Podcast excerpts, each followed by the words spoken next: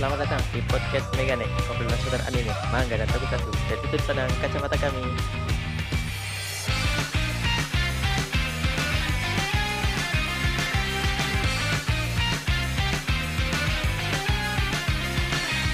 Merry Christmas! Ya, Merry Christmas para pendengar, teman-teman semua.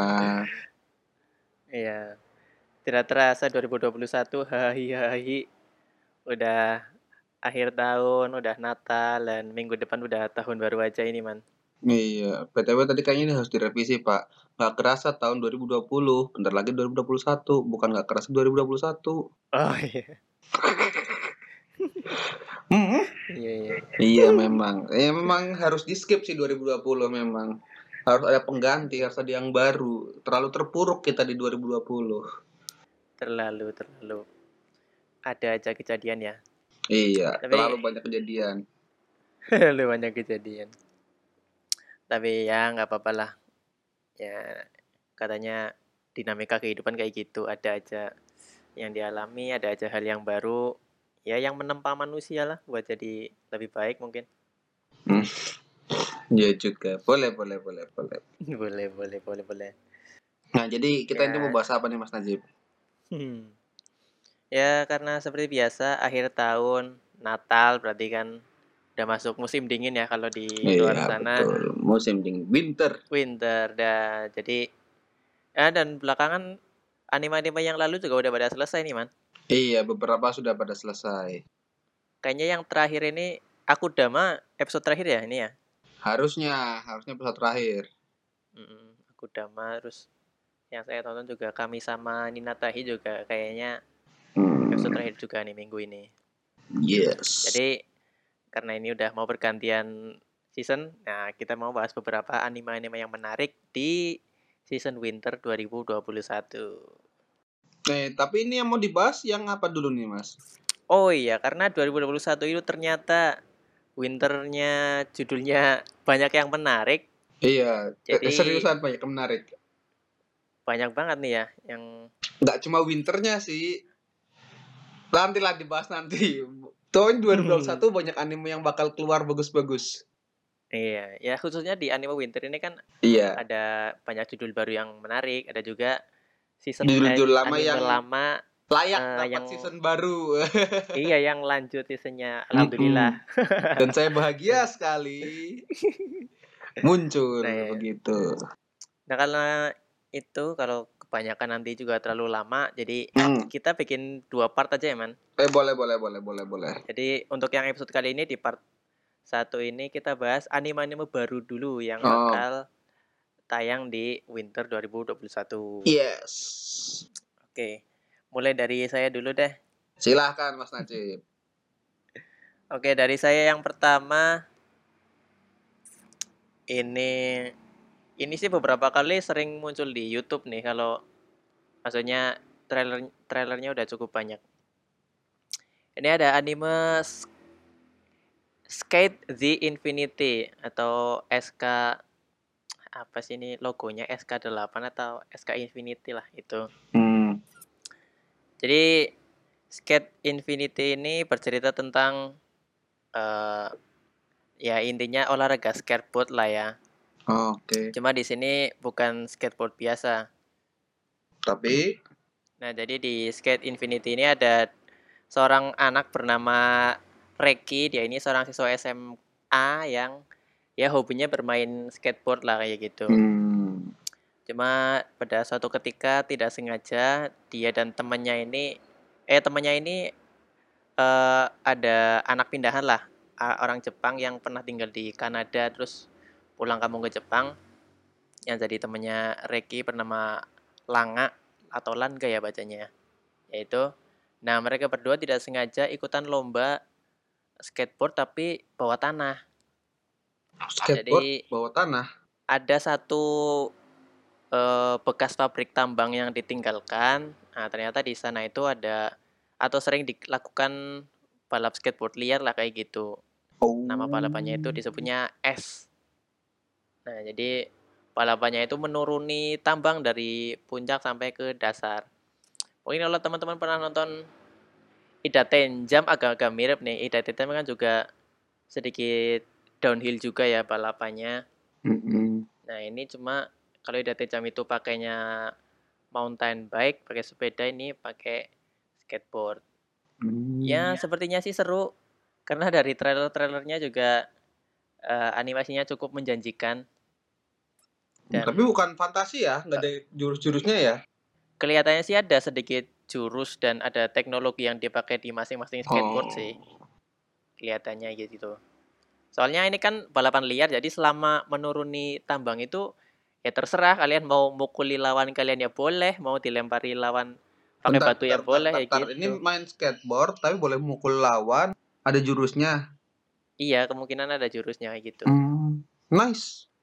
Oke. Nah, itulah mungkin eh, semoga sih seru ya karena Iya, dulu betul. saya pernah nonton Ida Tenjam juga seru, Air Gear yang pakai sepatu roda juga seru. Nah, Oh ini iya, nanti mirip-mirip air lah. gear ya, cuman bedanya dia pakai skateboard Heeh. ya. Oh iya, ya bisa kan dipastikan seru sih harusnya. kalau Air Gear kan di kota ya, kalau ini di Mm-mm. satu tambang kayak gitu. Oh, Ya mungkin pasti ditambang juga, Pak. Waktu lawan mamut Iya. itu. Stage-nya kan berubah-berubah. Iya, Ya mungkin betul. ini juga stage awal sih ditambang. Mungkin Mm-mm. ke depannya bakal pindah-pindah juga dan semoga seru. Skate oke. the Infinity itu yang pertama dari saya man. Oke. Selanjutnya, Selanjutnya dari saya ada anime yang sudah jadi spesialis hal yang sering saya tonton dari genre isekai yaitu Mushoku Tensei, Pak. eh Dan saya udah nonton trailernya berarti dan trailernya itu luar biasa. Jadi ada berarti apa? seorang Reinkarnasi ya? Iya, reinkarnasi. Dia Hmm. eh, mungkin orang paruh baya ya, tewas saat menyelamatkan orang asing dari tabrakan lalu lintas nih. Dia nih Hmm. eh, NIIT berusia 34 tahun, berinkarnasi ke dunia sihir sebagai Rudeus Greyard atau panggilannya Rudy. Nah, di situ dia sebagai bayi wa- pas dia kembali ke situ jadi bayi yang baru lahir, tapi dia punya kesadaran. Gitu. Oh. Punya kesadaran. Ih, kenapa ini? Ini dunia yang berbeda, dunia dengan pedang dan sihir seperti itu. Tapi pengetahuan, dan pengalaman serta penyesalan dari kehidupan sebelumnya itu masih ada. Dia sadar akan hal itu. Nah, di situ Rudeus atau Rudi bersumpah untuk menjalani kegiatan yang eh, kegiatan kehidupan yang memuaskan dan tidak mengulangi kesalahan-kesalahan di masa lalunya. Seperti itu, Pak. Nah, dia tuh kayak Tobatnya di itu ya, Hmm, tobatnya di tobatnya dunia lain ya. diisekai, seperti itu kayak mungkin penyesalan lah ya To- Iya. tobatnya di isekai seperti itu nah setelah diberkahi kekuatan mag- magis yang luar biasa serta pikiran orang dewasa ya memang pikiran dewasa cuman dia tubuhnya masih tubuh anak-anak gitu loh Hmm. kan nggak se nggak secepat siapa sih dulu ya lupa Itu Anos. Iya, nggak secepat Anos. Dia memang menjalani proses bayinya dulu, balitanya dulu. Bahkan dia waktu kecil udah ngeliat hal yang luar biasa seperti itu. Cuman, cuman karena dia dulu adalah seorang NIT 34 tahun, ya apa ya?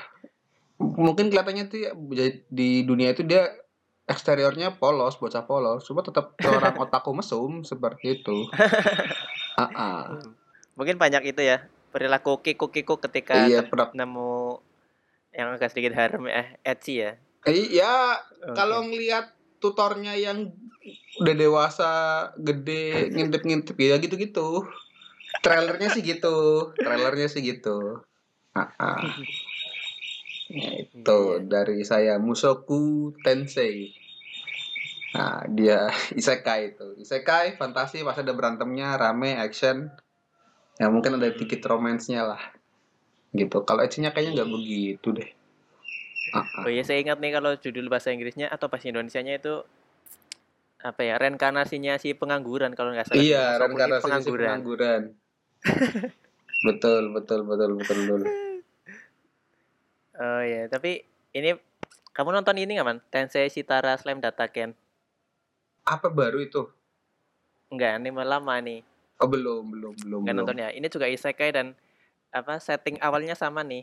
Para eh, karakter utamanya kebunuh juga nih. Banyak Terus kalau ter isekai yang lain. terbunuh.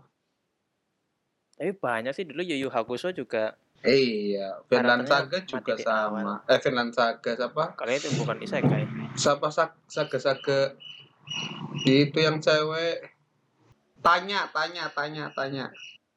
Hmm. Hmm. Saga of tanya apa apa itu. Nah, itu juga sama.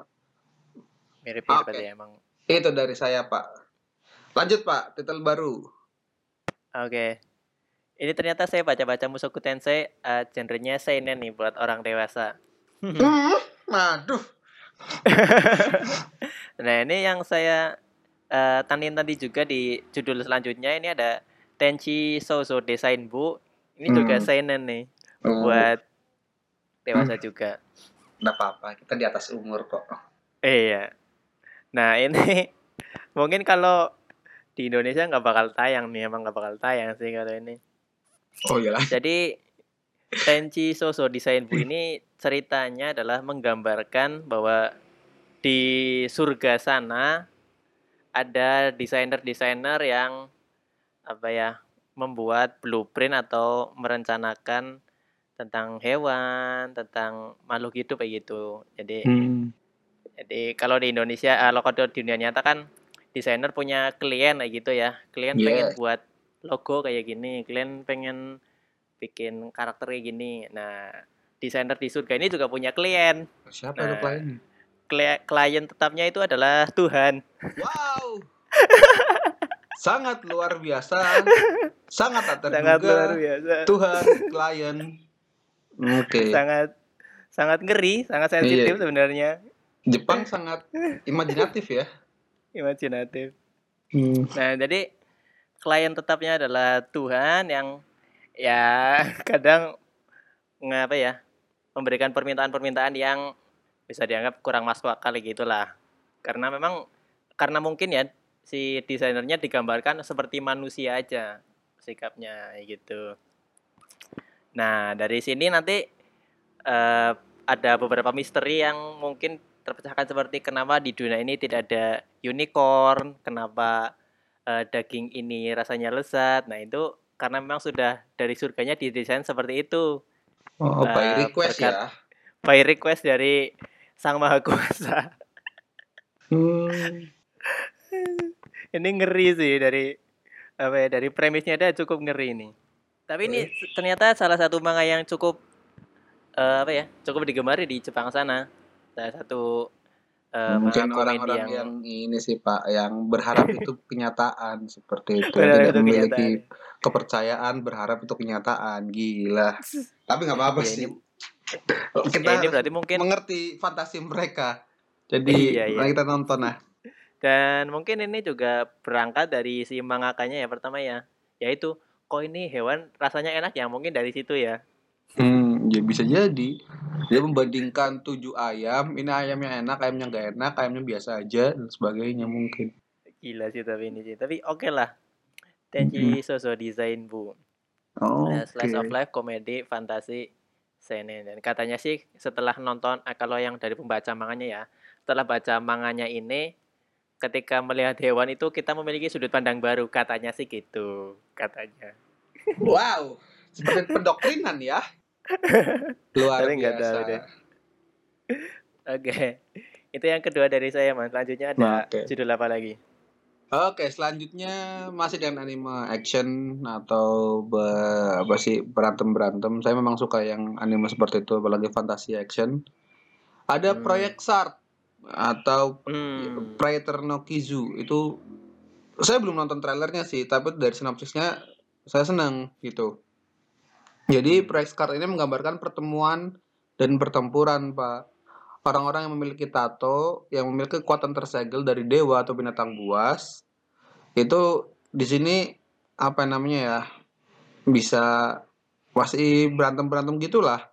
Ini ceritanya berlatar di zona khusus Akatsuki, zona tanpa hukum di Tokyo. Nah kekuatan katanya itu pakai ini apa namanya kayak kalau di Harry Potter tuh kayak domnya, dormitorinya ada Oh. Helios itu mereka yang menggunakan kemampuan tato untuk melindungi kota ada Artemis yang berkomitmen untuk menjaga keamanan dan kontrol Ada juga layanan khusus keamanan publik itu dengan motif komersi- komersial. Ada staff Hmm. car dari departemen metropolitan dan ada juga yang nakal-nakal dan sebagainya lah gitu. Cuman jadi kayak pemerintahan ya. dia namanya pemerintahan gitu. Maksudnya ya mere- mereka berantem gara-gara mereka punya kekuatan itu Hmm. itu. Nah, mereka menjalani hari-hari yang bergejolak dan terus berjalan dengan pertempuran pertempuran pertempuran tersebut. Begitu sih. Cuman saya suka nama-nama ininya. Nama-nama apa sih divisinya sama jurus-jurus kekuatan-kekuatannya. Kan dari dewa sama binatang buas, men. Harusnya sih rame. Harusnya. Harusnya rame. Semoga Nggak, saya sih. kadang nggak nggak begitu suka politik sih, cuman yang ini kayaknya seru. Karena saya suka per- saya suka keributan. Iya, berantemnya di zona tanpa hukum, men. Berarti aman dong, Iya, iya. legal. oh iya benar benar benar. Iya, Oh berarti ke- ketika ketika mereka kerja ya tetap kerja, kerja ya aja, di divisinya masing-masing. Tapi pas di situ ya. Tapi kalau mau berantem ke Akatsuki. mm-mm. Yes, ke zona khusus, zona tanpa hukum. Iya, Ah iya, begitu, iya. Pak. Prexat Preternal Kizu. Menarik sepertinya. Yes. Next, Pak. Selanjutnya, hmm, ini ada Urasekai Piknik. Sisi lain dari sisi lain dari piknik katanya sih gitu. Eh, nah Urasekai, Urasekai Piknik ini adalah mungkin bisa dibilang penyalahgunaan pintu kemanasannya Doraemon nih. Ah, bentar, bentar, bentar. Gimana, gimana? Jadi Urasekai Piknik ini plotnya ya. Jadi ada sebuah pintu misterius yang bisa membawa orang ke dunia lain. Nah, berarti kan pintu ke mana Hmm. saja nih? Cuma udah dimodif Oke. kayaknya. Cuma dunia lainnya itu ya dunia yang serem-serem lah kayak gitu. Jadi kalau kita kalau ada Doraemon pintu ke mana saja membawa kita ke pantai, ke gunung buat main ski kayak gitu kan biasanya. Hmm. Cuma ini malah eh, tujuannya dunia-dunia yang mencekam. Jadi beberapa kali ini karakternya ini ada dua cewek, Sorao Kamikoshi sama Toriko Nishina. Nah, mereka berdua ini ya bisa dibilang cukup penasaran lah dengan pintu tersebut. Jadi Hmm. mereka menjelajahi dunia, beberapa dunia lain lah melewati pintu itu. Cuma Oke. untung, bukan untungnya sih. Cuma si Toriko ini ternyata eh, gadis yang jago dengan senjata api. Ya, dan dan sebenarnya dia memiliki tujuan tertentu menjelajahi pintu-pintu tersebut bersama si Hmm. Sorao ini. Ya mereka akhirnya berjuang hidup mati sih akhirnya bukannya piknik tapi malah apa ya Itu mempertaruhkan anak-anak, hidup Pak. jadinya. Anak-anak Ya sekolahan. remaja sih. Remaja. kayaknya sekolahan. Orang tuanya ke mana? ya Tapi sama apa-apa. aja Doraemon juga orang tuanya nggak peduli yang penting liburan Iya, yang penting kayak gitu nilai-nilai nilai gitu. Aduh, pendidikan. eh pendidikan. mahasiswa ternyata ini mahasiswa Oh, mahasiswa. Oh ya, nggak apa-apa Eh. mahasiswa. Ada kesempatan bolos 25%. buat bolos bukannya senang-senang malah buat Mm-mm. mengorbankan nyawa ini malah Ya namanya orang butuh tantangan, Pak. Dia adrenalinnya harus terpacu begitu. adrenalin ya semoga sih ini cukup seru ya Yes. ini apa sih genrenya sih misteri ada misteri adventure Hmm. ada sci-fi waduh ternyata ini genrenya sojo ai Wow, rekomendasi Anda luar biasa ya. nah ini baru saya baca nih kemarin saya Oh. baca nggak ada sojo Nggak ada tulisannya. ini baru saya baca lagi ada sojo ai-nya Ya udah. aduh apa-apa. ya ya nggak apa-apa Bagi lah yang belum tahu silakan nonton episode, Episode- genre ya. Iya episode dua atau episode tiga tuh Hmm. Genre Nah, oke. ya nggak apa-apa lah bumbu-bumbu sedikit udah saya kayak piknik ya Iya. ketika pintu ke mana saja Doraemon dimodifikasi tujuannya ke dunia-dunia yang berbahaya ini jadinya kayak gitu Betul. Karena dulu pintu pintu ke mana saja itu nggak dipakai secara bagus, secara baik oleh Nobita. Oh Nobita iya, anak sekolahan, masih ya fungsinya nilainya jadi rusak ya Mm-mm, betul. seperti Dragon Ball yang digunakan terus-terus ya dulu ya sempat rusak Aduh, Nah, kalau itu ini memang rakus ini mentang-mentang kuat akhirnya minta resign. mulu gitu Itu udah sekali ini berarti judulnya dari saya yang ketiga.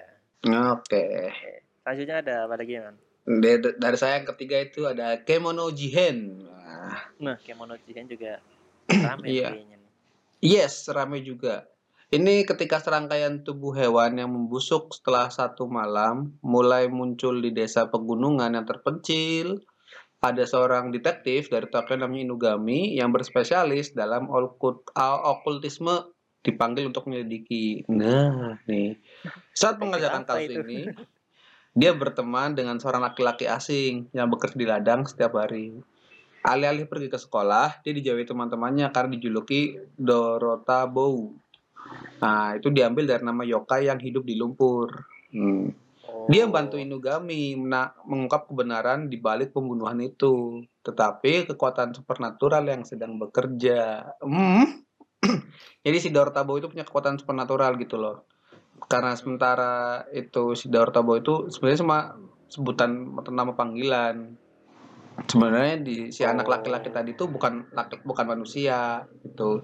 Cuma Wow. dia mau men- apa namanya mau me- menolong atau membantu Inugami si detektif spesialis okultisme itu gitu. Nah, ini saya ngeliat ramenya itu dari ini kan crime nih. Sebenarnya masih di batas manusia normal. Tapi ini temannya tidak normal. Mungkin Inugami Iya jadi mikir aneh-aneh nih. Oh, sepertinya saya harus dibantu sama dia sendiri. Nah, ini kan juga kasus awalnya kan ada eh, banyak hewan yang membusuk ya di satu desa ya. Jadi juga ya detektif kan biasanya ngurusi pembunuhan kan, ini ngurusinya Yes, ya kan ini akal okultisme. Siapa tahu ada Mm-mm. apa sih eh, ada ajaran sesat ya untuk Hmm, membunuh iya, iya. Hewan-hewan Buat dikuasai oleh gitu ya. oknum, iya.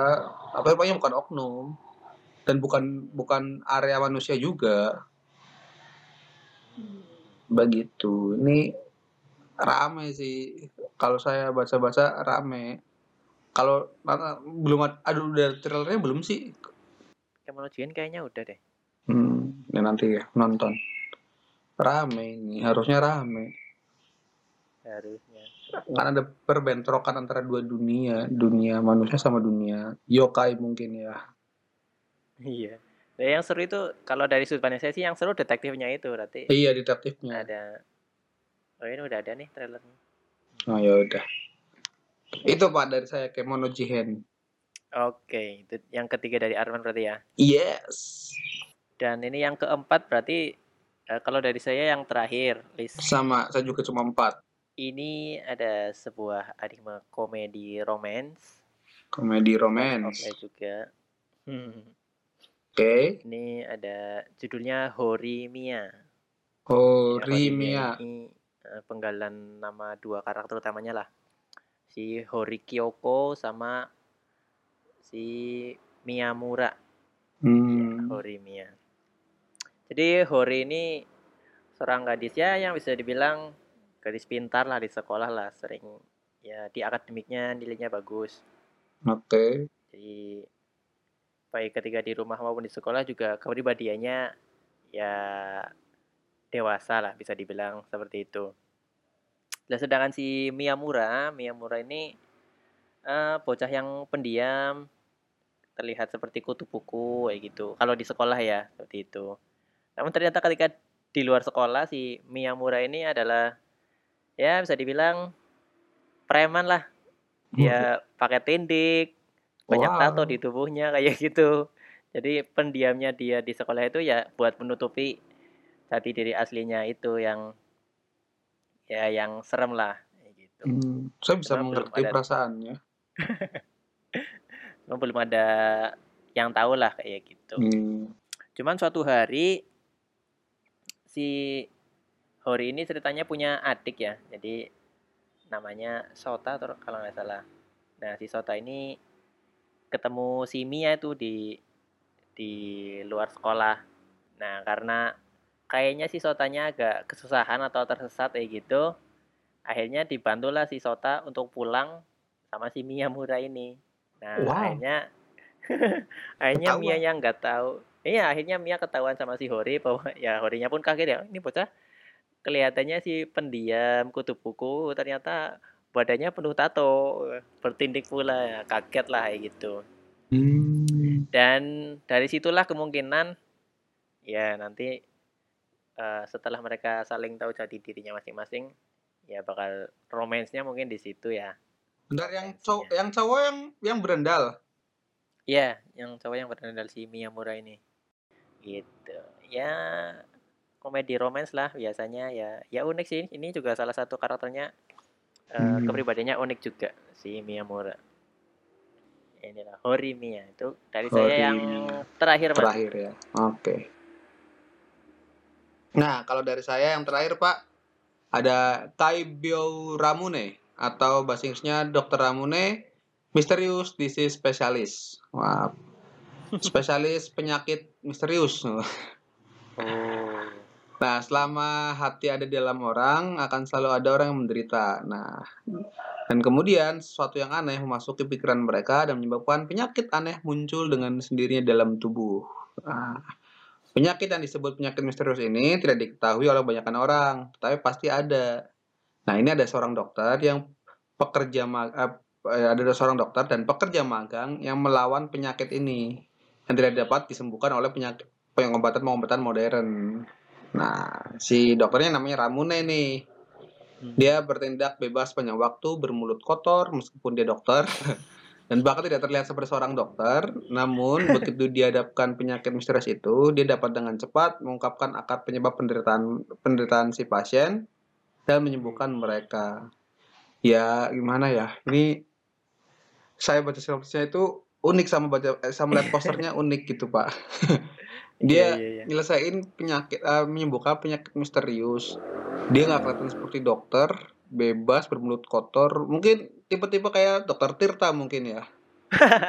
Atau lebih ke dukun ini. bisa jadi dukun tapi dia dokter pak. Ngerti medis gitu. Oh. ya mungkin Iya, pergabungan antara dokter Tirta dengan Ki Joko Bodo nah gitu Iya, tapi iya, muka-mukanya iya. muka-muka orang muda ya seperti dokter Tirta ya Iya, masih gitu. muda ya. Gitu. Eh, di sini saya nggak bisa ngomong banyak sih, cuman saya tertarik dari judulnya. Dia misterius disease spesialis karena kita lagi di fa- fase-fase pandemi. Saya butuh Oh, pengharapan iya. bahwa ada nggak nih orang yang begini mungkin nggak peduli virusnya apa bisa bisa hilang nih bisa diobati gitu loh. Punya terobosan-terobosan ya. Mm-mm, siapa tahu ada teknik-teknik pengobatan yang sebenarnya tidak tidak direkomendasikan pada pengobatan modern, cuman tapi bikin ampuh. sembuh gitu loh, ampuh gitu loh. Nah, saya berharapnya sih di situ. Itu, Pak.